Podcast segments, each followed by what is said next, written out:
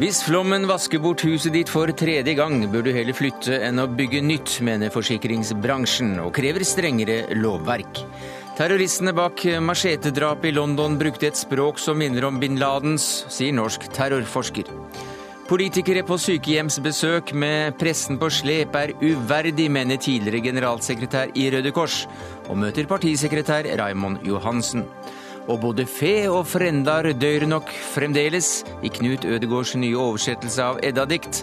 Han tar med seg Vigdis Finnbogadottir til Dagsnytt 18.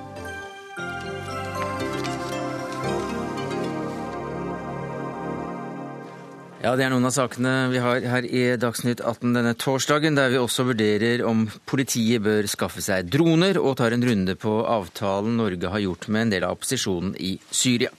Men vi begynner med gårsdagens øksemord på åpen gate i London. We must fight them as they fight us. An eye for an eye and a tooth for a tooth. I apologize that women had to witness this today, but in our land, our women have to see the same. You people will never be safe. Remove your governments, they don't care about you. Øye for øye, tann for tann. Øksemorderen ber folk styrte regjeringen. Bildene av terroristen med blodige hender, en blodig øks eller hva det var, en machete, har sjokkert store deler av verden. Hva har kommet fram i løpet av dagen, London-korrespondent Gry Blekastad Almås? Ja, Det siver stadig ut uh, mer informasjon om hvem disse to pågrepne uh, gjerningsmennene er. Uh, denne vi, vi, hørte i innslaget her, refereres det Han navngis jo i britiske medier nå som en mann som er født og oppvokst i Storbritannia av kristne foreldre fra Nigeria.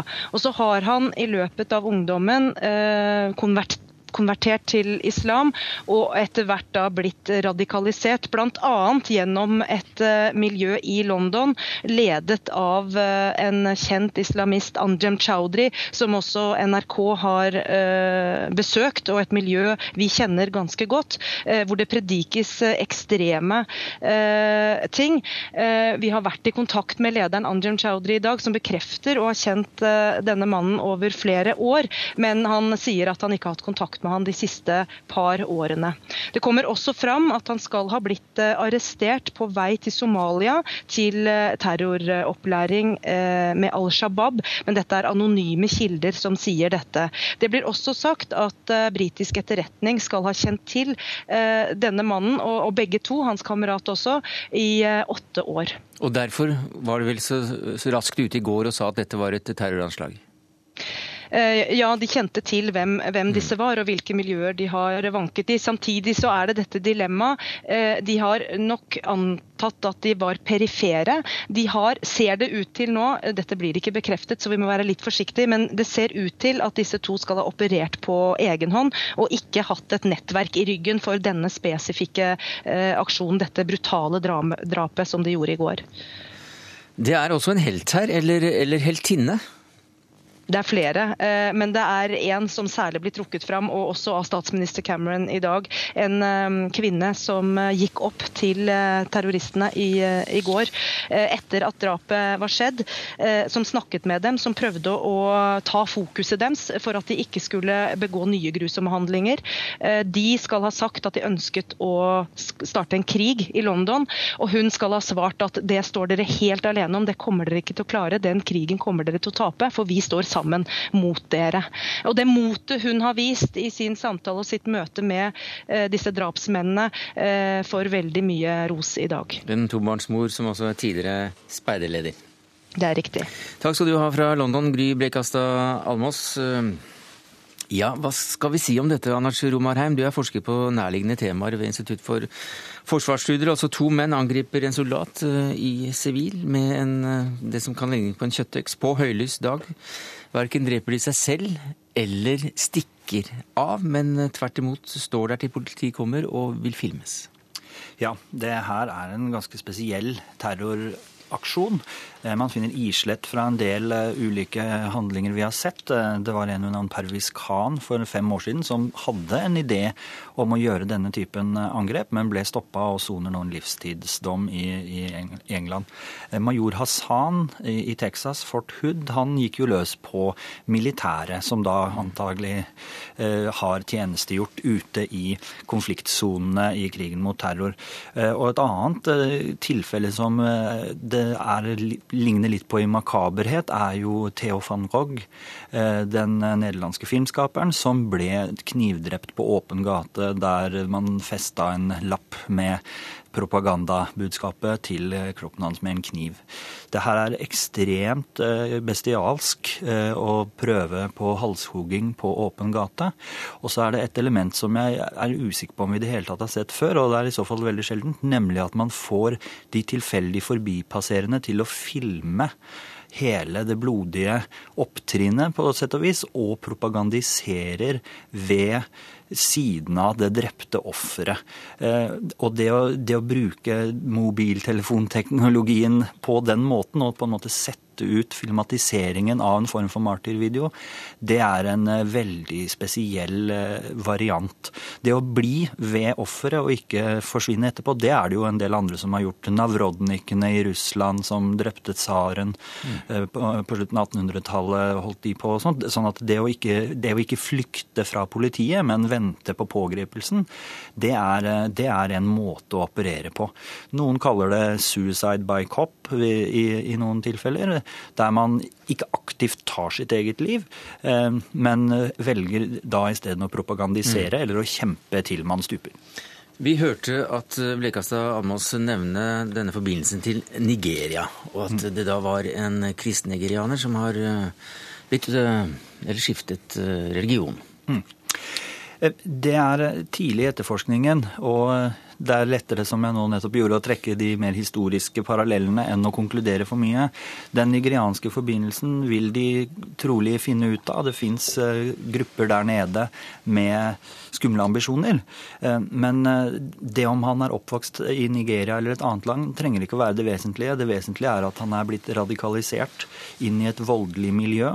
Dette miljøet er definitivt jihadistisk. Det, det kan man bare ut fra de videoene vi har sett og retorikken som benyttes der som minner om bin Ladens, eh, trekke den slutningen eh, allerede nå. Og Det er også sånn det omtales av britiske styresmakter. Ja, Minner om bin Ladens? Ja, det vil jeg si det gjør. Eh, det er dette med at man ikke vil oppleve sikkerhet her i London, så lenge det ikke er sikkerhet og våre kvinner og barn i våre land. Men denne mannen, han eier ikke noe landområde. Han svarer ikke på vegne av noen større gruppe. De fleste muslimer i London har jo tatt ettertrykkelig avstand og vist voldsom avsky over bestialiteten i disse handlingene. Kan man nå frykte at uh, noe lignende da kan skje igjen, når det først har skjedd én gang på denne måten? Ja, og man har jo frykta dette angrepet helt siden arrestasjonene eh, for fem år siden. Uh Og vi ser jo hvor effektivt det er til å oppnå to av terrorismens grunnleggende mål, nemlig å spre frykt og skaffe voldsom oppmerksomhet. Dette er òg i tråd med online-manualene Al Qaida sirkulerer på nettet. Inspire er, et av, er det toneangivende bladet innenfor det. Små operasjoner av små grupper med enkle midler for maksimal medieeffekt. Mm. Og når du snakker om arrestasjonene for fem år siden?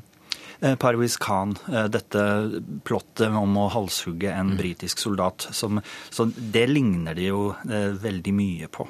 Sånn at den typen tenkning, å angripe tidligere tjenestegjørende soldater i nærmiljøene sine, er en veldig veldig spesiell strategi som har et iboende voldsomt fryktspredende potensial.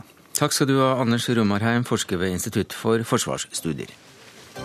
Hør Dagsnytt 18 når du vil på nettradio eller som podkast. nrk.no – dagsnytt 18. I Syria har nærmere 80 000 mennesker mistet livet pga. borgerkrigen, og 1,5 millioner mennesker har flyktet fra landet, ifølge FN. Så neste tema ut i Dagsnytt 18 er denne avtalen som Norge har inngått med den syriske nasjonalkoalisjonen. Statssekretær Torgeir Larsen, du er i Istanbul, der du har hatt eh, møter med denne gruppen. Hva er dere blitt enige om? Vi har undertegna en intensjonsavtale med Nasjonalkoalisjonen, også paraplyen for opposisjonen i Syria. Det er noe vi har jobbet med en stund. Det handler om både en del, altså vår støtte til den koalisjonen, og det handler om koalisjonens forpliktelser som har vært viktig for oss i forhold til en del grunnleggende humanitære prinsipper og gjøre det de kan på bakken for å beskytte eh, sivile og bidra til at hjelpere ikke eh, angripes. 60 millioner kroner er satt av til, eh, til, dette eventuelt, og hva skal pengene brukes til? Det er intensjoner opp til 60 millioner. Det er tre hovedkomponenter som vi ser for oss nå.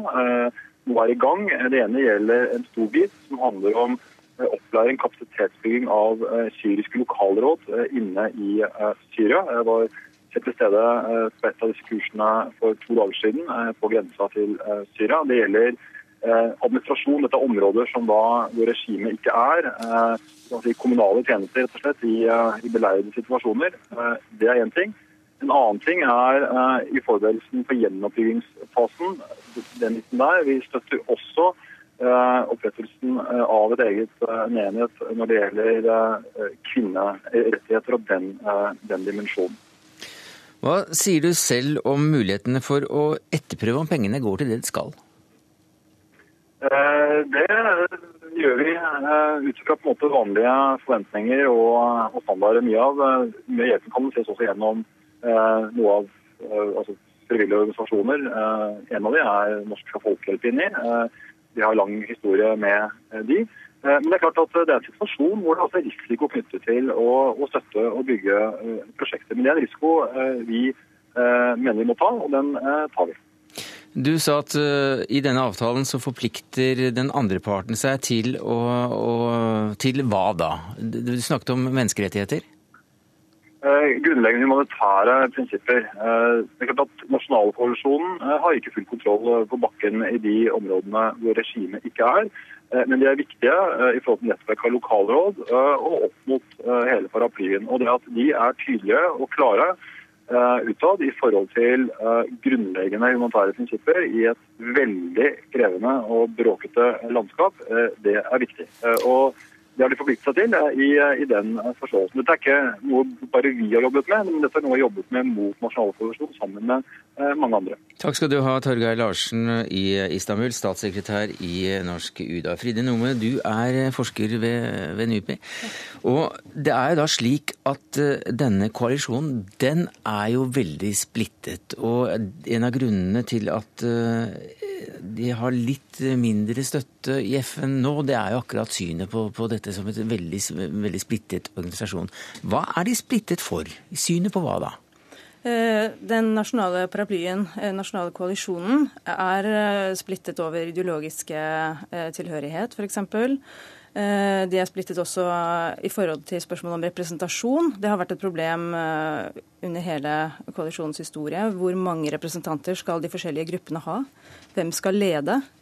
Eh, det har jo ikke vært som kjent valg i Syria, eh, så man vet ikke hvor mange eh, representanter brorskapet burde ha osv. ut ifra hvor mange stemmer de har fått. De har et viktig spørsmål som det har vært splittelse rundt, er også spørsmålet rundt hvordan man skal komme videre, om man skal forhandle eller gå i dialog med det nåværende regimet. Og Det spørsmålet diskuteres akkurat nå i Istanbul i koalisjonen. Hvorvidt man skal sende delegasjon til, eh, til, et møte i Genéve, som USA og Russland har tatt initiativ til. Ja, for eh, Var det dette spørsmålet som da gjorde at lederen for, for hele koalisjonen han, han, trakk seg for en drøm måned siden? Det var ett av flere spørsmål. Han hadde foreslått, gått ut med et forslag om å gå i dialog med nåværende syriske myndigheter. Han har igjen kommet med et initiativ i dag, men i dag som en uavhengig mm person. Ja, for Han ga som begrunnelse at han heller ville bruke tida si på noe som, eh, som, var gjennomførbart og fornuftig. Og Hva sier det da om denne koalisjonen som uh, Norge også nå gir 60 millioner kroner til? Eh, denne koalisjonen sliter av mange grunner, og det er eh, fordi det er mange eksterne aktører også som, som forsøker å trekke tråder, og som støtter ulike fraksjoner internt. Eh, når det er sagt, så er det denne koalisjonen vi har å forholde oss til. Og, jeg mener det er veldig viktig det, det, skrittet norske myndigheter nå har tatt, med å støtte disse lokale rådene. Ja, Hvorfor det? Du, du kjenner jo området godt. Du har selv jobbet for norsk UD i Damaskus. Eh, jeg mener det er viktig for det første å gjøre noe, og ikke bruke det, eh, det faktum at opposisjonen er splittet, bruke det som en unnskyldning for ikke å handle. Det har vært en unnskyldning lenge, og det kan også være en av grunnene til at man ser nå i, blant FN-land eh, at man ikke våger å støtte opposisjonen fordi den er så splittet. Jeg mener det er viktig å støtte de strukturene på bakken som, som på, kan være med på å bygge opp et fremtidig Syria og som kan forhindre en viss kaos. Eh, det er også strukturer som da ikke primært er militære, men som er sivile. Eh, som, eh, som jeg mener er viktig for å forhindre fullt kaos. Men Vi hørte jo Larsen selv si at det er forbundet med en viss risiko det å gi 60 eller gi penger til en slik organisasjon. Og tilbake til spørsmålet om å mm. etterfølge om pengene faktisk blir brukt til det det skal til i et slikt område der det er kaos. Nei, altså jeg mener Risikoen er enda større hvis man ikke gjør noen ting. Mm. Dersom man eh, sitter på sidelinjen og velger å ikke handle, så risikerer man jo at eh, Al Qaida får enda bedre spillerom, og at befolkningen blir mer radikalisert. Så det er klart, du får ikke noe kvitteringer igjen, og, du, og, det er umulig å ha full kontroll over, over pengene som gis. Men, men, det er ikke sånn at man ikke vet noen ting om disse strukturene på bakken. Man, man har også den, det nasjonale syriske rådet har eh, eh, kunnskap om disse forskjellige eh, lokale rådene som, som, er rundt omkring, spesielt i nord i Syria. Takk skal du ha, Frida Numme, forsker ved NUPI.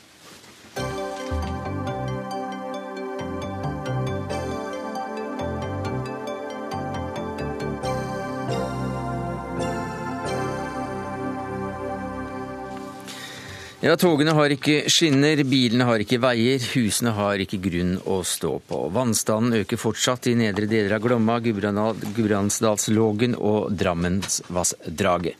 Fredrik Julemstrø, du er vår reporter på Kvam. Hvordan er denne bygda rammet? Bygda på Kvam den er, det betegna som en katastrofe her på Kvam. Jeg kom i går kveld, og da starta uværet for fullt. og Da kom det plutselig to nye elver nedover et boligstrøk. Eh, I dag morges når jeg var ute og sjekka klokka fem, da var de her boligstrøkene eh, gjort om til mange av husene var gjort om til pinneved. Det lå asfalt knøvla som papir, og det lå steiner i hagen til folk. Steiner store som fotballer fløyt eh, nærmest nedover elva. Jeg var og sjekka for en times tid siden, og elva den graver seg fortsatt innover mot husene som står på nordsida av elva Storåa. Eh, mannskapet frykter at eh, der er det flere hus som vil gå tapt.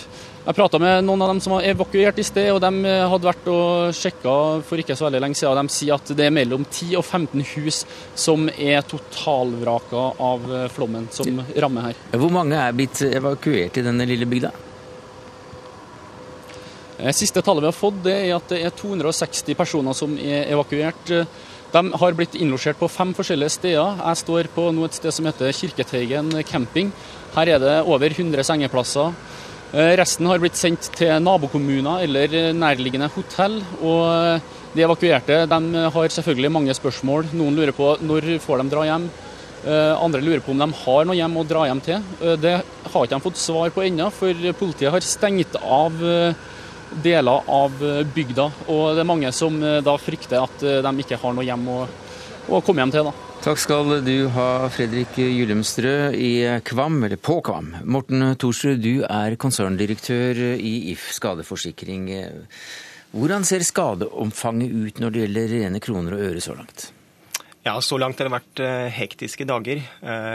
Vi i If har fått inn 300, drøyt 300 alvorlige vannskader. Eh, estimatene er eh, veldig sprikende så langt, men eh, vi kommer nok opp godt over 100 millioner når det gjelder industrien totalt sett. Jeg estimerer en 1200-1500 alvorlige skader. Og en del av disse pengene går altså da til, til, å bygge opp hus som er faktisk tatt av flom før? Ja, dessverre så, så, ser vi det at en del kunder blir berørt ikke bare én gang, men to og tre ganger. Vi har sett eksempler i mediene på hus som var bygd opp kun for et par år siden, og som nå er tatt av flom igjen. Og disse bygges opp igjen. Hva syns du om det? Hva syns dere om det? Nei, vi syns det er en ganske fortvilt situasjon. Og våre kunder syns også det er en ganske fortvilt situasjon. Men mange av kundene er litt bondefanget. Man får ikke gjort noe med dette, for det, et, det fins jo ingen alternativ for disse personene som er rammet. Så i, dag, i, dag så kan man altså da uh, bo i et flomområde og bygge opp huset hver eneste gang det er flom, med penger fra forsikringsselskapet? Ja, det kan jo se sånn ut at uh, det bygges opp om og om igjen på samme steder, samme hus som blir berørt, uh, og nye betalinger ut. Så det er jo en ikke helt optimal måte å gjøre det på. Nei, for det er så lite optimalt ifølge bransjen at dere har stilet et brev til justis- og beredskapsministeren, kommunal- og region, regionalministeren og til miljøvernminister Bård Vegar Solhjell. Og hva er det dere ønsker der? Nei, Vi etterlyser jo litt eh, sterkere tiltak nå. Eh, nå har vi snakket om dette i veldig mange år. Eh, gå tilbake til 1985, da det først liksom, debatten virkelig raste. så Det er nesten 30 år siden. Og det har ikke skjedd veldig mye på de, på de 30 årene. Hva vil dere skal skje da? Nei, altså, vi, vi, ser vel for oss for det første at man endelig blir litt strengere på reguleringer. At folk ikke faktisk At ikke man får bygge på disse områdene som stadig blir berørt. Vi ser fortsatt at det er tilfellet, at man får bygge på, på områder hvor det ikke burde blitt bygget. Så det er det ene. Eh, det andre er Vi kan ta det først, fordi ved siden av deg så sitter miljøvernminister Bård Vegar Solhjell. Hva sier du til dette? Skal dere nå inn med sterkere lut for oss å hindre folk i å bygge opp igjen hus på flomområder? Jeg tror man først og si Vi står jo midt oppi i dramatikken nå, da. Så, eh, og mange mennesker er knytta til plassen de bor, eh, opplever nå å få den revet vekk. og, og så instrumentelt er det jo ikke for mennesker ofte, når man kanskje har vokst opp en plass, eh, huset til foreldrene dine osv. Mange vil være glad i og opptatt av det. Men så er det et reelt spørsmål som blir tatt opp her. Eh, og vi har i dag regler og retningslinjer for kommunene sin bygging som gjør at de skal ta hensyn til flom og skred. Det ligger inne i det som heter plan- og bygningsloven. Så det er sterke nok lover og regler for å hindre folk i å bygge i eh, flomutsatte strøk? Det er ikke sterke nok. Eh, jeg begynner sånn likevel fordi at det skal tas hensyn til, men det er dessverre eksempler på at det ikke blir gjort det òg. Derfor fremmes det f.eks. en del innsigelser, altså sånne varsko stopp ved utbygging fra NVE, og saker som sier at nei, det her går ikke fordi det bygges. Men det er òg saker der, eh, der, det bygges i områder der det uh, trolig ikke burde. Og Derfor gjør vi nå en endring med det. Og Vi har nettopp lagt fram en såkalt stortingsmelding om klimatilpasning. Mm. Der vi for det første øker risikoen. Det vil si at vi skal være enda mer føre var. Vi skrur opp risikonivået når vi skal ta hensyn til framtidig ekstremvær i all planlegging. Mm. Men uh, og, Hvis jeg får lov veldig godt, så skal ja. vi òg lage nye retningslinjer. Ja. Nå samle alt i, i regler fra staten om hvordan man må ta hensyn til framtidig ekstremvær, f.eks. flom, når man skal ja, la seg legge ut et boligfelt, bygge en, et hus. Når man skal bygge nytt, men bygge opp igjen har de ikke noen uh, politikk overfor? Jo, men det er klart at gjenoppbygging er et vanskeligere felt enn nybygging. Mm. For det første fordi det dreier seg om folk sine liv. ikke sant? Folk som kan ha bodd der lenge. Eh, så det, det, er liksom, det, er ikke bare å lage en regel, og så, og så er det sånn. Eh, og, men der, det er ikke sånn der heller at man bare kan gjøre som man vil. og Derfor så tror jeg ja, Kjenner du til noen som har fått avslag fra, i å bygge opp igjen huset sitt? da? Nei, men jeg, da kan man vel gjøre hva man vil da, for så vidt? Jeg tror at Hvis du står oppe i den situasjonen, sier at du nå to ganger på rad sant, har mista huset ditt eller opplevd det. Mm. For noen så vil jeg ha et ønske om å, å bo der, en sikkerhet for det. Mens for andre så vil de kanskje ønske og flytte et annet sted. Jo, men, men det får ikke, har ikke økonomi til det. Nei, da er det opp til dem selv eventuelt. Ja. Torsrud, er du beroliget? Nei, jeg er ikke det, men, men, jeg er i hvert fall enig i at uh, det det handler om her, er jo økonomi. Uh, for disse personene som, som rammes, som, som, sitter midt oppe det har en veldig fortvilt situasjon, så er det jo Problemet er at de, det finnes ikke noen, noen, økonomisk ordning for dem som gjør at de kan flytte til et annet sted. Nei, hva skulle til da? Nei, altså, da må det inn en, en finansieringsordning statlig, eh, statlig eh, som, som, hjelper de med å flytte til et annet sted. Her er det jo personer som har bygd hus på områder hvor det var lovlig å bygge hus når de ble bygd, og som da er uskyldige ofre, eh, og som ikke har eh, ofte et alternativ, for de har lån på huset og sitter i en situasjon hvor, hvor det å flytte ikke er et eh, økonomisk alternativ. Ja, som en del, tror jeg, en del situasjoner vil folk ikke ønske å flytte, gjerne bo der. Men det kan være grunner likevel til å diskutere om man bør gjennombygge på et område. Det, det, den diskusjonen vil sannsynligvis komme i større grad. Men det, det, det som bransjen nå trekker opp, det er jo om det kan være behov for eh, et eller annet fond som gjør at man kan eh, gi økonomisk støtte til de som faktisk eh, nå forstår at de, de, de, de må flytte. Og, og det har vi ikke. Og det er heller ingen planer om å etablere det. Men det er klart, eh, kommuner og andre som står i den situasjonen, må nå etter den, den flommen her, som i andre situasjoner, gå inn i det, se på det. Jeg tror det er veldig vanskelig å lage noe, liksom, si noe felles og likt om det i Norge. Ja, du kunne hatt et fond. Hvert, ja, men hver bygd, hvert lite byggefelt kan være i en veldig ulik situasjon her. Jo, men Hvis det er tatt et hus jeg- for fjerde gang, flom for fjerde gang, slik det er eksempler på, så virker det jo for oss andre som også er med på å betale høye forsikringspremier for husene våre, som litt vilt at de får eh, da dekket dette for femte gang. Altså, For det første så tror jeg eh, når vi har en forsikringsordning der man faktisk har forsikra huset sitt, så har man krav på å få utbetalt det og få bygd det opp. Og Det tror jeg er viktig at bransjen respekterer. Det er den forsikringsordninga vi har. De forsikringene, avtalene de har inngått. Men jeg er enig med deg i vi har et uløst hull i de situasjonene der, mange, der det skjer gang på gang, og til og med noen kanskje ønsker å flytte. Hvordan, Noen har økonomi, andre har det ikke. Hvordan gjøres dette i andre land? Nei, eh, For det første får vi jo si at uh, Norge har jo faktisk en veldig bra ordning når det gjelder akkurat dette med naturskade. Eh, så, så der er vi heldig stilt. Uh, men det avhenger jo også av at den faktiske skadesaken defineres som naturskade. En del av de skadene vi ser nå, faktisk de fleste skadene vi ser, er ikke definert som det. Men det finnes land der forsikringsselskapene kan nekte å utbetale premier hvis man bor i spesielle områder. Ja, Det, det fins land i Norge, har vi en forsikringsplikt. eh, Så vi, plikt, vi plikter oss å gi et eh, forsikringstilbud til hver enkelt eh, husstand. I andre land så er det områder hvor man ikke får kjøpt forsikring, og hvor det er statlige ordninger som går inn. Eh, Jeg tror ikke vi trenger å gå så langt i Norge, eh, for det er et eh, ganske tydelig hvilke områder som, som eh, berøres år etter år. Eh, Men jeg tror man må revidere og se litt på, på ordninger som finnes i Norge. Ja, som, som sagt, jeg er enig i at vi har, et, altså vi har gode ordninger i Norge. Vi har både de vanlige forsikringsordningene, det som heter naturskadeforsikring utover det. Eh, og vi har, ganske, vi har gode regelverk som vi styrker for nybygging. Men det er tull å diskutere. Men vi har en viktig ting til, som du var innom, nemlig at de fleste skadene er faktisk ikke hus som blir velta over ende av flom, men f.eks. overvann, altså at du får kjelleren full av vann.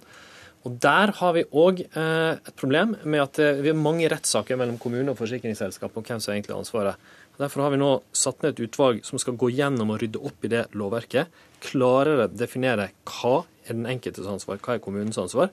Kanskje vil det òg være behov for å se på endringer, fordi overvann kommer vi dessverre til å få mer av hvis klimaendringene styrker seg framover. Det er en som har sittet og forsket på dette her, og det er ganske, ganske nye tall. Jeg tror jeg jammen ikke har lest om, eh, om dette før. Ola Haug, du er seniorforsker ved Norsk regnesentral, og du har laget en regnemodell som viser bl.a. hvor mye større utbetalingene blir når været blir våtere. Hva er tallenes tale? Ja, tallenes tale er de, For det første må jeg nesten si at de, de varierer en del over landet.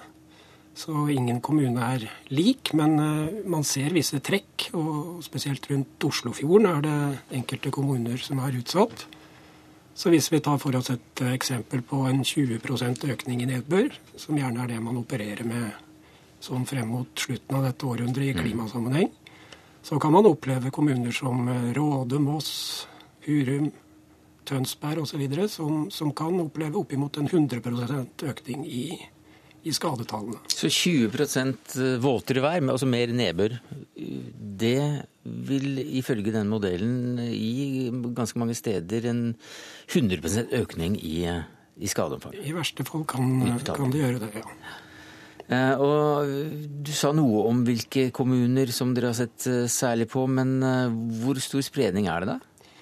Eh, Spredningen er nok slik at enkelte kommuner også i hvert fall ligger helt på, på linje med økningen i nedbør, og kanskje ikke vil oppleve noen eh, skadeøkning i det hele tatt. Mens andre ligger, som jeg sa da, helt i, i den øvre enden. 100% økning. Hva kan denne eh, regnemodellen da brukes til, bortsett fra å, å skremme folk? Ja, det, slik som de har vært inne på her, så, så er det jo et verktøy for, eh, for kommunene og forsikringsbransjen til å se på sårbarheten som ligger der per i dag. Man kan også tenke seg det brukt som et slags eh, slags varslingsverktøy, hvor man basert på en korttids værprognose f.eks., et værvarsel, kan gi kundene et varsel om at nå er det en viss sannsynlighet her for at kjelleren din vil bli fylt av vann de neste dagene. Det aller viktigste vi må egentlig må lære ut av det her, det er at vi må gjøre alt vi kan for å begrense menneskeskapte klimaendringer. For det er ikke gitt hvor ille det blir.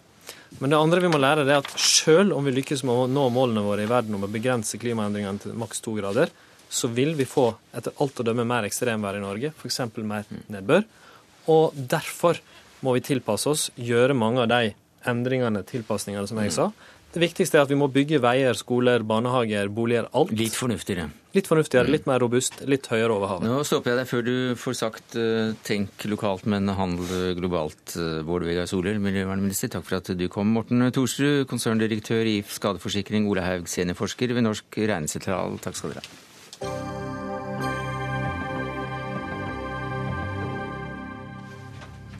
Inn i studio. Uh, verdens første demokratisk valgte kvinnelige president, blant så veldig mye annet. Her som entusiast for det norrøne arvesølvet. Velkommen til oss, Vigdis uh, Finnbogadottir. Takk. Sammen da med verdens ledende nålevende oversetter av Edda-dikt fra islandsk til nynorsk, Knut Ødegaard. Velkommen. Takk. Fe dør, Finnbogadottir. Hvordan er resten på islandsk? Hvordan er resten på Ja, resten, resten av dette verset. Fedøyr. Ja, fedøyr, ja. Ja. Et øyeblikk så må jeg slå det opp. For vi hadde Deir fjed, deir frendur. Ja. Er sånn som vi husker begynnelsen. Og hvor er nå det? Da kan vi ta det på norsk først, da, Ødegaard. Ny Ja. på nynorsk. Det må vi kunne klare, men nå har vi det, Jo, det er, det er nummer eh, Det er vers nummer 76. Ja, for nummer dette- 76. Dette snakket vi om på forhånd. Det vi gjorde skulle vi. Ja. Skal vi ha det først på nynorsk? Ja, vi tar det først på nynorsk. Ja. Fe døyr, frendar døyr, ein sjølv døyr òg. Men rosande ord vil aldri døy om den som gjør godt. Fe døyr, frendar døyr, ein sjølv døyr òg. Eg veit eitt som aldri døyr, domen om kvar ein daud. Deir fje, deia frendur, deir sjálfur it sama. En orðstyr deir aldrei kveim er sér góðan getur. Deir fje, deia frendur, deir sjálfur it sama. Ef við gett at aldrei der dómur om døden hvern. Det er jo utrolig vakkert også på et språk som er litt nærmere originalen, Ødegård. Og da med dere to i lag, så dreier jo dette alt sammen seg om Edda-dikt, eh, som nå er kommet i en ny oversettelse. Og du er selv lyriker. Var det bra diktere, de som sto for Eddaen? Dette er gullalderpoesien i Norden. Helt utvilsomt. Men vi veit jo ikke hvem dikterne var. Vi vet ikke når de dikta, og vi vet ikke hvor de bodde, de som dikta. Og trolig er dette en munnlig tradisjon som har gått gjennom hundrevis av år, og sikkert fått en del endringer underveis inntil det ble skrevet opp på 1200-tallet. Eh, Du skriver da forordet, og, og, og der du annet eh, tar for deg den delen som kalles Vålespå. Hva slags dikt er det, Finnbogadottir? Det er et uh, dikt om verdens undergang. Det er et dikt, uh, en spådom om uh, hvis mennesket taper orientering og blir grådig, og så blir, går grådigheten over til krig. Og i krigen går jorden under. Og alt dør. Men jeg mener nå at det er diktet av en kvinne. Det er en optimisme. Jorden reiser seg igjen, grønn og vakker. Men det er eh, et spådomsdikt. Og eh, et eh, veldig etisk i dette henseende at det, det taler om fred og krig. Krig og fred. Men du sier at det vel må være skrevet av en kvinne? Ja, jeg Eller av kvinner? Jeg har alltid vært overbevist om at uh, det skulle gjøre en kvinne. Vølvens spådom vølva uh, var den som spådde for fremtiden. Og det var, det var ofte kvinner på den, kvinner på den tid som uh, trodde at de kunne se fremtiden. Om man kan se den i øynene eller ei, men de, de kunne, de kunne ja, spå for fremtiden. Vet vi omtrent hvor det ble skrevet? Altså Ble det skrevet på Island, eller ble det skrevet i Norge altså, eller andre norrøne? Ja, det ble jo ikke skrevet opprinnelig. Eller, eller kom fram, vokste kom fram? fram. Personlig tror jeg at dette er et uh, islandsk dikt. Og jeg tror at dette er uh, like før kristendommen vært innført mm. offisielt i de nordiske land. Altså 900-tall. Ja, vikingtid. Men sein, kanskje forholdsvis eh, eh, Jeg tror vi befinner oss like opp under året 1000. Fordi eh, at det er jo også et veldig forsvarsskrift for de gamle verdiene. Det er som om vølvene nå må få minne oss om hvordan verden ble skapt ifølge den gamle tru, hva gudene heter, hva de står for. Og på verdens mulige undergang om vi ikke passer oss så vi slipper villskapen løs. Dette, som eh, fru Vigdis sa så tydelig, dette her med grådigheten. Det er der det begynner, mm. med grådigheten. Før lekte gudene seg med gullterninger i gresset, mm. og så kommer det ei som heter Gullveig, og lokker fram gulltørsten og grådigheten. Dermed skjer det første drapet i verden. Dermed skjer den første krigen i verden og dermed står hele verden i fare for å gå under. Men det går altså, kan gå bra? Ja, det er en klassiker. Det er ja, det, det, det sier alt om mennesket. Sier alt om mennesket, og det sier alt om mennesket om verden som den er i dag også. Mm. For du har, du har, vært veldig opptatt av denne norrøne arven i, i hele ditt liv? Jeg har alltid vært veldig opptatt av det. Og jeg har uh, haft gleden av, og, og, ja, og andre har haft gleden av det. Jeg siterer det meg. Fordi man finner eksempler på, på alt uh, hva, det, hva, det, foregår i dag i Edda-diktene. Og i den gamle kosmologi, i den gamle i, hva det skrev som de gamle godene. Ja, for du, du skriver da også at i Edda finner vi en grunnleggende kosmopolitisk grunnholdning? Ja. Hva, det, hva, hva, mener du med det? Jeg mener det at det er en, klassiker. Det er altså eh, både, eh, både havamal og, eh, og vølvespåen, vølvespå, vølvespå eh, er altså grunnleggende eh, for, for hva man skal eh, til seg i samkvem med andre mennesker havamal. Det der, de, de sier at man ikke skal sitte for lenge når man er invitert et sted ikke skal drikke for mye. Og kåte menn mister hodet? Ja, det sier de ikke, men allikevel de sier at uh, man skal besøke sine venner og ha gaver med, og dyrke vennskapet. Og uh, de sier uh, også i Havamal at, som vi leste før, at man skal bete seg så i livet at var for godt eftermæle. Ja, for de snakker ikke om et evig liv etter døden, men de snakker om et evig liv på jorden. De snakka om et eh, ettermæle, først og fremst. Det var den måten å sikre seg eh, evig liv på. Det var ikke et evig liv i himmelen, men, eh, men i form av ettermæle. Dette er jo også spennende ved, når vi tenker over at det ble nok skapt i den heidne tid. Men så kommer krist, innføringa av kristendommen med det latinske alfabet og pergamentet. Så det, det, det, er altså kristendommen, innføringa av kristendommen med det latinske alfabet, er føresetnaden for at vi fortsatt minnes dette. Men eh, da til Håvamål, som, som, er den andre delen av Edda-diktene som er med i denne, i denne omgangen. Det skal være tre bind. Det første jeg kom, også kommer i dag. Eh, Håvamål, hvem var det som skal ha skrevet det? Hvem er det som kommer med disse ordene? Nei, vi, Det er Odin som, ja. som, er den høge, da. Håvamål er jo den høges tale, eller, mm. som er et annet ord for Odin. Og det er jo, det er jo et maskulint dikt, eh, fru Vigdis, eh, når du, når du sier, og er sammen med deg, at Vålesbå er et feminint dikt, så, så er jo Håvamål, et mye mer maskulint dikt. Det er mannen Det er eh, en kar som heter Vinje, som også likte tydeligvis Edda-diktene. Hva, hva sa han om dem?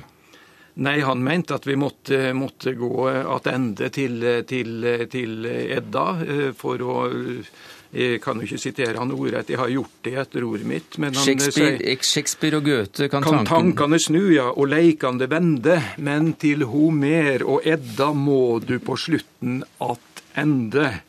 Fordi at der skal han altså seg sjøl atter finna, som han sier. Der kan vi finne oss sjøl. Så Shakespeare er greit, men Edda må Ja, man- men, må man eh, tilbake til. ja, men altså Les nå eh, Vårlus på Mm. med vår tid i tankene. Og det er vel derfor du har oversatt det nå? For at det skal være mer opp til vår tid? For at det skal være mer opp til vår tid, og fordi at diktet er utrolig aktuelt. Fordi at det spår jo rett og slett ødelegging av verden dersom vi ikke besinner oss eh, på skaperverket. Eh, fru Vigdis, eh, hva slags forhold har islendingene til disse tingene? Eh, I dag? eh, eh, alle leser dette diktene i skole. Ja. Fordi det er det islandske klassikk. Og de leser alltid inn litteratursaker i gymnasiet. Således at vi vet alle som har vært i skole om Edda-diktene. Men uh, at islendingene leser dette daglig, det tror jeg nå ikke de gjør.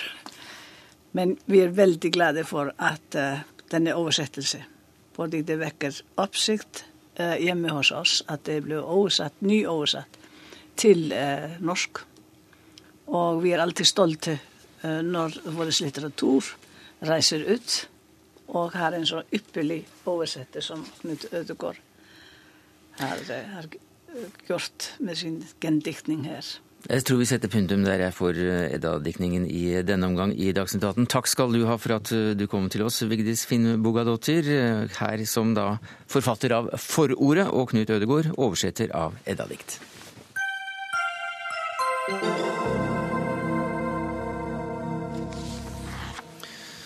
Vi skal over til små flyvende dingser, også kalt droner, som beveger seg nærmest lydløst og opererer svært nær bakken. Dette er en teknologi som også politiet bør ta i bruk, skrev Teknologirådet i en kronikk i VG på mandag. Og da direktør Tore Tenne, hvordan kan slike ubemannede luftfartøy bli nyttige for politiet?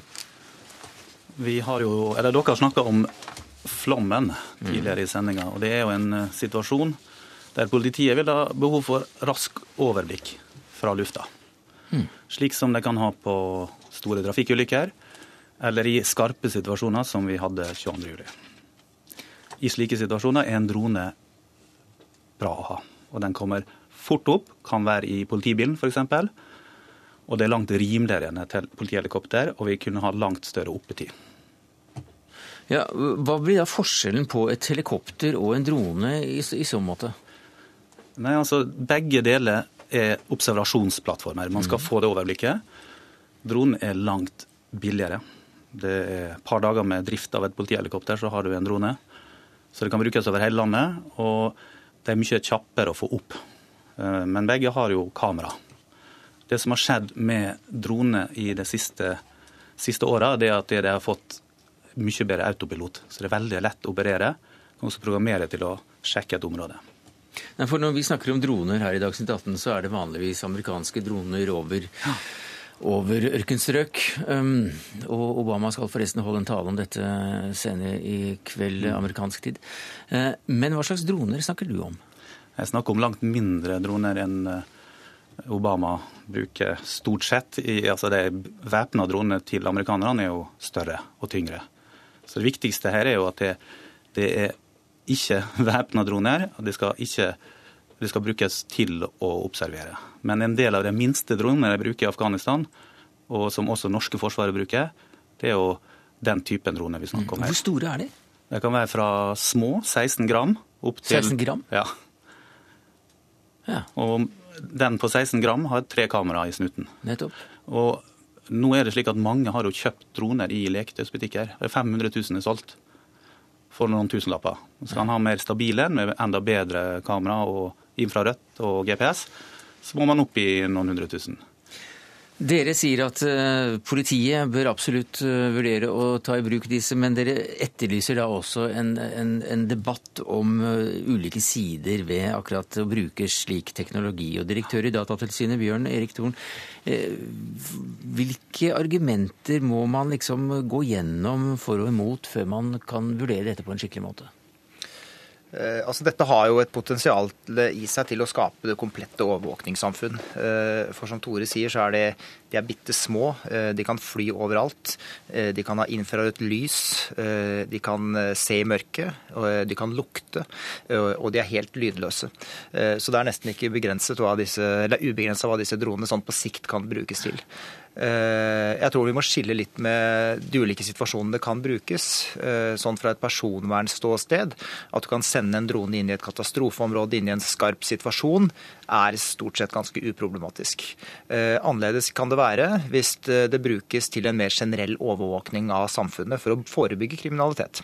Vi var for ikke så veldig lenge siden i London og fikk demonstrert hvordan ikke dronekameraer, men de vanlige kameraene, de hadde mange, mange, mange, mange, mange tusen av de i London, hvordan de kan zoome. Eh, og et eh, kamera fra et helikopter kan zoome inn omtrent på en kaffeflekk på skjorta mi. Så det er helt ekstremt hvor nærme du kan gå. Og det er ikke science fiction at en drone henger med et så skarpt kamera over hodene våre i en by og zoomer inn og ser på, på det vi gjør. Og det er klart at det skaper noen store personvernutfordringer. Ja, så Det vi er opptatt av også, det er at potensial for skjult overvåkning blir større. For et helikopter, det ser du jo. Du hører det. Det har en sterk signatur. De små dronene kan være langt mer diskré. Så Derfor vil vi ha en diskusjon om bruken. Og vi tenker primært nå på beredskapsbruk. Mm. Så, så, her må vi få i gang diskusjonen. Men åpenbart kan det konkurrere veldig godt med politihelikopter. Ja, F.eks. spaning? Ja, F.eks. spaning eller sporing. Det er mange ting det kan brukes til. Men jeg tror det er viktig at vi hvis vi skal regulere dette, at vi ikke går inn og regulerer droner. Vi må gå inn og regulere bruk av droner. Eh, for droner kan være en hjelp for politiets øye. Eh, og da trenger det ikke være så alvorlig. Men det kan også være noe som virkelig går inn og gjør helt inngripende ting som folk ikke har noe som helst mening om. Så jeg tror hvis man skal gå inn og se på lovverket, og jeg tror nok at det kan være en god idé å gjøre det. fordi at eh, det er klart når teknologien har kommet dit den har, dette har blitt så billig, Eh, og to dagers drift av et politihelikopter, så har du en drone. Da vil politiet begynne å bruke droner. Det vil være overraskende hvis ikke de begynner å bruke droner. Men de, vil, de vil ikke si det i dag? Nei, men vi ser diskusjonen som går i noen av politibladene. De okay. gleder seg til å begynne å bruke droner. Kan, det, er, det, er, moro. Så jeg tror at det er veldig viktig at vi, at vi begynner å regulere det. Og bl.a. det ha, at man må ha klare formål for bruket. Det er jo noe av mm. kjernen i personverntenkningen. ikke sant? Hvis man skal overvåke noen, hvis man skal kontrollere noen, registrere om noen, så må man gjøre det for et eller annet for, for formål. Eh, hvis det er snakk om en uh, bruk av en drone, så kan det være et etterforskningsskritt. Flere etterforskningsskritt. De mest alvorlige må det en rettslig beslutning til før man kan ta i bruk. Så, sånn sett må vi gå gjennom uh, lovverket ganske nøyaktig og, og, og på, på, mange områder og se om det trengs justeringer. Men, men det, er, det er altså både billigere og ofte mye bedre enn å bruke den teknologien vi har i dag.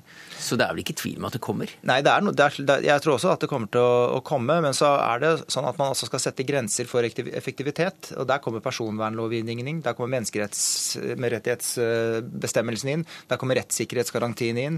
Eh, selv ikke politiet ønsker jo fritt fram til å bruke alle virkemidler som er. Eh, og teknologi som fins, har en tendens til å bli brukt. Eh, og Det er derfor det er viktig, og jeg vil berømme Tore Tenne og Teknologirådet fordi de startet denne debatten. Og at de starter den tross alt ganske tidlig. Da. Mm. For vi, vi, er jo en veldig tidlig fase her, men da kan vi kanskje klare å unngå noen av de potensielle farene som jeg pekte på innledningsvis. Ja, for En parallell diskusjon til denne er jo den som også uh, Datatilsynet var med på i Kulturnytt, om, uh, om journalistene og pressen og kringkastingens uh, mulighet for å bruke denne teknologien. Mm. Ja, og det er nok viktig at vi ser på ulike typer bruk for dette. Altså, du har katastrofebruk, du har medienes bruk, du har eiendomsmeglernes bruk. Og vi gjorde jo en undersøkelse sammen med Teknologirådet nå for ikke så veldig veldig lenge siden, da vi også spurte folk hvordan de mente at uh, disse dronene kunne brukes. Uh, og da var det faktisk ganske stor skepsis til at media kunne bruke det. Mm. redningstjenesten var folk stort sett enige at var helt greit. Politiet overvåke demonstrasjoner var ikke fullt så greit. Hvis politiet kunne bruke det til å overvåke ulykker, så var det greit igjen. Mm. og jeg syns vel egentlig den ryggmargsrefleksen eller magefølelsen som folk ja. har rundt dette, er, sånn, er ganske god. Ja, det vil jeg si. Altså, skeptiske journalister er noen smeglere, men eh, positivt til eh, livreddende arbeid. Du, av en eller annen så slutter vi her. Eh, Tore Tenne, takk skal du ha som direktør i Teknologirådet. Bjørn Erik Thon, direktør i Datatilsynet. Hør Dagsnytt 18 når du vil, på nettradio eller som podkast. nrk.no – dagsnytt 18.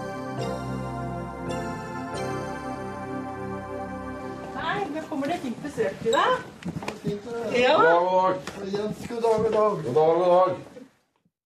Vi har sett mange ganger bildene av smilende politikere som med vekslende hell søker kontakt med beboere på syke- og, og pleiehjem med kameralampene våre tent. Og I et debattinnlegg i Aftenposten i dag så skriver du, Odd Gran, tidligere generalsekretær i Røde Kors, at dette er både uverdig og lite omtenksomt. Og ta dette med uverdig først. Hvorfor er det det? De som eh, er på sykehjem, eh, er jo usikre. Eh, de er Mange av dem er syke. Mange er i søken etter noe, et nytt fotfeste. Og da bli utsatt for den oppmerksomheten som politikerbesøk med stort presseoppbud representerer, det styrker ikke eh, Altså det å bli brukt som arena og publikum på en arena for andre formål enn det å gjøre livet lettere og tryggere for dem, det syns jeg er uverdig. Hva sier du til det, Raymond Johansen? Som partisekretær i Arbeiderpartiet så har det vel noe med valgkampen å gjøre også? Definitivt, og jeg er enig i at man skal eh, vise varsomhet. Uverdig? Eh, det vil jeg ikke si det er. Det er eh, viktig å også bringe eldrepolitikk, utbygging av sykehjem. Det er jo ofte kommuner som inviterer, ønsker å vise fram, ta opp vanskelige saker. og det er jo ikke alltid med letthet man er på et sykehjem, også med kameraene. Det er jo ikke alltid nødvendigvis at det blir belyst de gode sakene. Jeg tror han skal eh, vise varsomhet, men samtidig så er det viktig at politikere kommer seg ut, møter folk, diskuterer, eh, får eh, tak i problemene og utfordringene. Og da er det ofte viktigere å være der enn f.eks. bare i et studio. Ja, jeg er helt enig eh, med Raymond i at det å gjøre noe for å bygge sykehjem mm. er viktig. Men ikke akkurat der. Fordi de som er på sykehjem, de aller fleste av dem er syke mennesker. Eh, og det er det beklagelige at eh, noen blir det. Noen få er eh, friske, og de blir nok også litt beklemte av all oppmerksomheten. Så de vil ha ro, og de vil ha trygghet. Og de er sårbare. Så, mm, og det er det hensynet som alt det andre er vi helt enige om, tror jeg. Mm. når det gjelder, Men jeg skulle jo heller ønske at politikerne satt fokuset et annet sted. Som gjelder eldreomsorgen, og ikke på sykehjemmet. Altså jeg tror eh, fortsatt at eh, selvfølgelig de som er ledere på, i de ulike avdelingene på sykehjemmene, må jo på en måte ha et ansvar når man viser hvem, hvilke pasienter man eventuelt besøker, at de har fått beskjed i, eh, i forkant, og at man er fortalt hva det vil medføre, at man også har politikerbesøk. Men, men, måte... men tror du at de, de beboerne som det gjelder, til enhver tid vet helt hva de er med på? Det er vel et opplagt ansvar for eh, ledelsen på det sykehjemmet og den avdelingen, slik at eh, dem ikke eh, bærer noe overlast ved et slik type besøk. Jeg tror det er viktig at politikere kommer ut. Og vi har den mm. samme utfordring også når det gjelder besøk i en barnehage. At det er godt, godt forberedt. Mm. Men samtidig så vil jeg forsvare at det er viktig at politikerne kommer ut, diskuterer mm. med de som faktisk jobber der. Og få satt fokus på barnehager, få satt mm. fokus på eldreomsorg. Men nå er det eldreomsorgen vi snakker om, og, og, og Gran, det er altså da ledelsen for de ulike institusjonene som må ta hele ansvaret her, ifølge Raymond Johansen? Det syns jeg er å legge ekstra byrder på de ansatte. De har store nok byrder som de har fra før. Eh, det at de kommer på besøk, er jo bare kjempehyggelig. Men hvorfor skal de absolutt ha med seg pressen? De må gjerne komme og, og snakke og møte og, og, lære og se. Men, men, det å ta med seg pressen, det er det som skaper denne, denne blesten om noe som man ikke ønsker så veldig mye blest om. Da er det bedre å få blest om andre sider ved som er mye viktigere, og som er mye mer økonomisk. Ja, altså Jeg og andre tror jeg også besøker eh, sykehjem også når det ikke er valgkamp uten presse til stede. Så under valgkamp så er det jo veldig naturlig å ha med, ha med presse, og det er ikke mulig å gjemme seg unna pressen. og godt er, er kanskje det. Så jeg tror vi i framtida må regne med at det er, er, er besøk. men det er ikke... Gjemme seg unna, det er ikke snakk om å gjemme seg unna når dere besøker man, man, et eldre, eldre, Nei, man ønsker å ha med media for ja. å ha et fokus på det, og media ønsker også mm. at man er uh, på, på, et sykehjem, på en barnehage. Og det er jo nettopp den kulissen som er der, som uh, er et utgangspunkt for det, for det temaet man har. Hvor viktig er det for eh, politikere å vise at man ja, er rundt omkring på, på, på et sykehjem, f.eks.? Jeg tror det er veldig viktig for politikere å vise at man er ute på bedriftsbesøk, på barnehager, på sykehjem. Sånn at den ikke er bare en politiker som får all sin kunnskap gjennom å sitte på sitt kontor med å ha møter der. Så jeg tror snarere tvert imot at problemet er det motsatte at man sitter for mye inne, at man får for lite impulser ute. Så er det jo selvfølgelig, Nå vi, diskuterer vi særskilt valgkamp, men ellers også det å komme ut og få tak i det, tror jeg er, et, er, en, er, er kjempeviktig.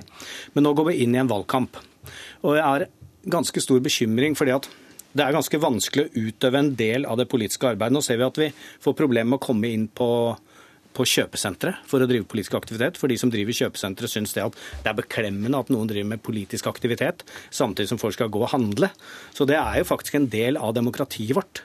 Det å kunne komme rundt, det å møte folk, det å diskutere Og det, det å, ha, det å ha kameralysene på mens ja. dere besøker sykehjem. Det er også en del av det hele. Men det må stå med, med varsomhet, som Odd sier også, med stor grad av verdighet. Men tilbake til akkurat hvem som da skal ta øh, ansvaret for, for gjennomføringen av dette her. Så sier det altså Gran, som tidligere leder av Norges øh, Røde Kors, at øh, du må ikke legge for stort ansvar på de ansatte her. Men det motsatte ville vært tilfellet hvis en politiker hadde pressa seg inn på et sykehjem mot de ansatte, mot ledelsens ønske, så ville selvfølgelig det aldri gå. Tar man en sånn henvendelse eller blir invitert av en kommune, så må jo det være et faglig forsvarlig opplegg, hvor man ikke fører til at noen lider overlast ved det besøket. Men jeg ser det, man skal derfor vise stor, stor varsomhet. Stor varsomhet, uh, Gran? Ja, uh, enig i det, Raymond. Men, men, du sier noe i sted at uh, det er naturlig å bruke sykehjem som kulisser. Jeg tror ikke sykehjem er noe særlig glad i å være kulisser. Det er altfor levende, altfor ansvarlig, altfor vanskelig til å bli med i et sånt show. Men velkommen skal dere være, men husk hvem det skal være godt for. Takk skal du ha. Du fikk siste ord i denne sendinga, general, tidligere generalsekretær i Røde Kors, Odd Gran. Takk til Raymond Johansen, partisekretær i Arbeiderpartiet. Så får vi se når valgkampen er i gang. Dette var det vi rakk i dagens sending, takket være produsent Dag Dørum, Beate Haugtrø og jeg heter Sverre Tom Radøy.